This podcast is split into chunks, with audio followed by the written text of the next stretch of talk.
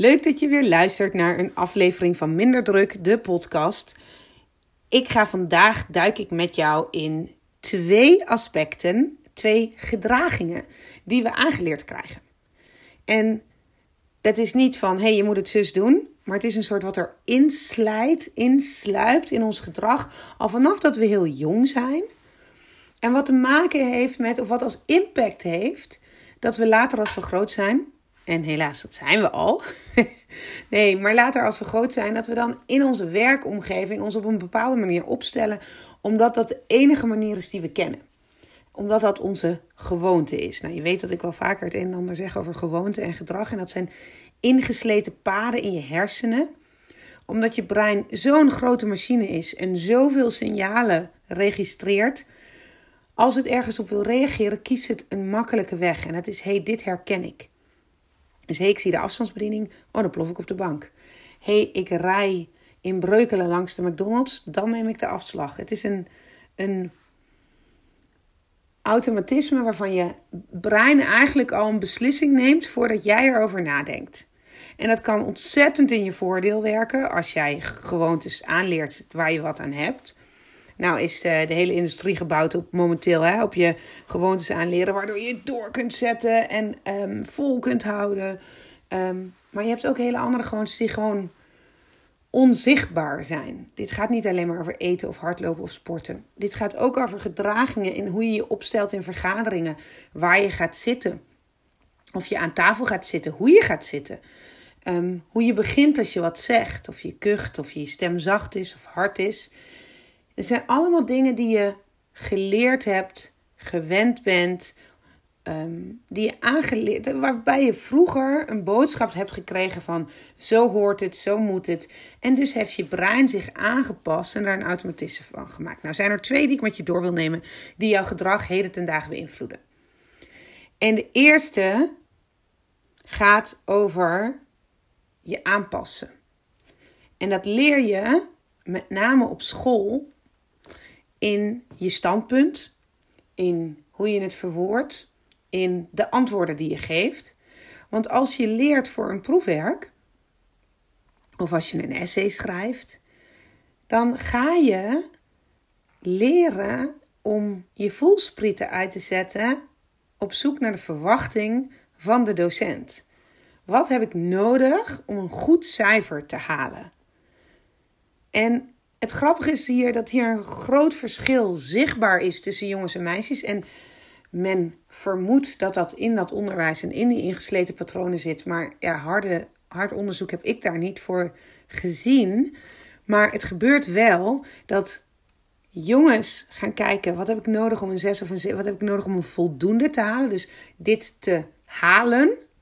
En dat meisjes heel erg gericht zijn op wat heb ik nodig om een 10 te halen of een 9 hoogste cijfer. Nou, wat daarachter zit, weet ik niet. Maar voor beide geldt dus dat je gaat kijken: wat heb ik nodig om dit vak te halen? En de consequentie daarvan, want daar wil ik natuurlijk met je over hebben in je gedrag, is dat jij nu in de grote mensenwereld waarin je opereert, gaat kijken waarin jouw papers, jouw eh, projecten, jouw voorstellen moeten voldoen, zodat een ander ze kan aannemen. Terwijl je uitspreken en tegen iets ingaan, autoriteit uitdagen, om het zo maar te zeggen, de rebel zijn, iets is wat we heel hard nodig hebben. Omdat we niet allemaal hetzelfde moeten denken en niet allemaal hetzelfde moeten doen. En dat uitdagen op een effectieve manier blijkt voor heel veel van ons heel ingewikkeld. Want we doen het wel eens. Dan schrijven we een voorstel of een projectvoorstel waarop het anders moet in de organisatie. En die geven we dan aan iemand en die legt het in een la. Of we houden een fel betoog op het congres met een motie. En dan haalt die motie het niet. Omdat dat felle betoog op dat moment totaal niet landde. Of de juiste mensen waren er niet. Hoe je een coalitie bouwt en mensen meeneemt om autoriteit uit te dagen. Is een hele eigen skillset. En de vraag is of we dat leren. En of we beloond worden. Kijk, ik heb het nog nooit hoeven doen. Maar mij lijkt het fantastisch om van een leraar de opdracht te krijgen: Dit is mijn stelling, ga maar tegen me in. En wie het beste tegen me ingaat, geschreven of mondeling, ik bedoel, de ene is beter met schrijven, de andere beter met woorden. Wie er tegen mij ingaat en dat op een goede manier beargumenteert, mensen meekrijgt, die krijgt een hoog cijfer. Maar dat wordt niet beloond. En daar zit wel iets in, want dat zou je wel willen leren, dat je durft op te staan voor wat je zelf vindt. Dat je je durft uit te spreken. En de harde les die ik helaas een aantal van mijn klanten soms zie ervaren, is dat ze eigenlijk niet weten hoe dat moet. En dat ze zo hard geloven in hun idee, dat de manier waarom daar, om met dat idee verder te komen, eigenlijk niet genoeg aandacht heeft gekregen. Ook omdat ze niet weten dat ze daarover na hadden moeten denken. Want ze dachten namelijk dat als ik een 10 wil halen, moet ik het doen zoals het hoort. Moet ik het spel spelen zoals het hoort. En soms moet dat juist niet, brengt dat je verder.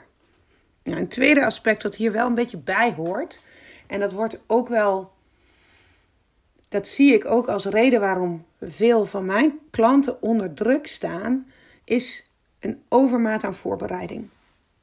Dat gaat ook over, um, ik wil inhoudelijk alle details weten. Ik weet nog dat er op een gegeven moment iemand uh, bij mij was en die zei: Ja, ik werd voor een debat gevraagd over een bepaald aspect van klimaat. Uh, iets met eh, technologische innovatie ten behoeve van klimaat of zo. En zij kreeg dat en zij twijfelde, want zij dacht: Ja, daar weet ik niet genoeg van. Dus daar moet ik even naar kijken. Dus zij legde dat in een vergadering op tafel. We zijn gevraagd voor een debat hierover. En het is mijn portefeuille, maar ik moet even kijken of ik hier genoeg van weet. En toen zat er aan haar tafel een man en die zei: Oh, maar daar heb ik net een artikel over gelezen, dus dat kan ik wel. En zij dacht echt: Het is mijn portefeuille. Ik zit hier al jaren op. En ik denk dat ik me enorm hier de diepte in moet en dat ik de kennis. En, iemand, en een man denkt gewoon: Oh ja, dat doe ik wel even. En die, overmaat aan voorbereiding is iets wat op gaat branden. Het heeft ook te maken met het idee dat je als vrouw twee keer zo hard moet werken dan een man om ergens te komen. Want twee keer zo hard werken, daar heb je vaak niet eens meer de tijd of de energie voor. Dus je moet slimmer of effectiever kunnen werken en dan wel leren hoe je dat moet doen, hoe je dat moet aanpakken. Maar die overmaat aan voorbereiding zie ik echt bij heel veel vrouwen terug. Dat ze denken, oh, ik moet nog een boek, ik moet nog een boek. Een van mijn klanten, nog een voorbeeld. Een van mijn klanten had een televisieoptreden. En dat ik wist dat zij wist waar het over ging, wat de vragen waren. Dus met alle kennis die ze had, moest ze wel voorbereiden. Maar precies met dat wat ze had en wat zij deed, was een nieuw boek aanschaffen. En daar nog allerlei nieuwe dingen uit willen halen. Terwijl als ze de kennis die ze had op een goede manier leerde presenteren, dat is een andere vorm van voorbereiding. Dat is een vorm van voorbereiding die uitgaat van ik weet al genoeg. Nu moet ik dat met zekerheid durven zeggen, met zelfvertrouwen naar voren brengen. Nou, dat soort dat zijn twee aspecten in vergaderzalen, in debatten, in op de werkvloer die ik zie. De eerste is niet weten hoe je autoriteit op een effectieve manier kan uitdagen. Dus deels is dat juist wel volgens de regels en deels juist niet. Maar je moet wel mensen meekrijgen, niet alleen komen te staan. Ehm, het uitdagen van autoriteit, het durven rebelleren, het opstaan voor wat je zelf vindt, in combinatie met altijd maar meer willen voorbereiden. Nou, die twee is denk ik een uh, fijne cocktail om te hoge druk te ervaren.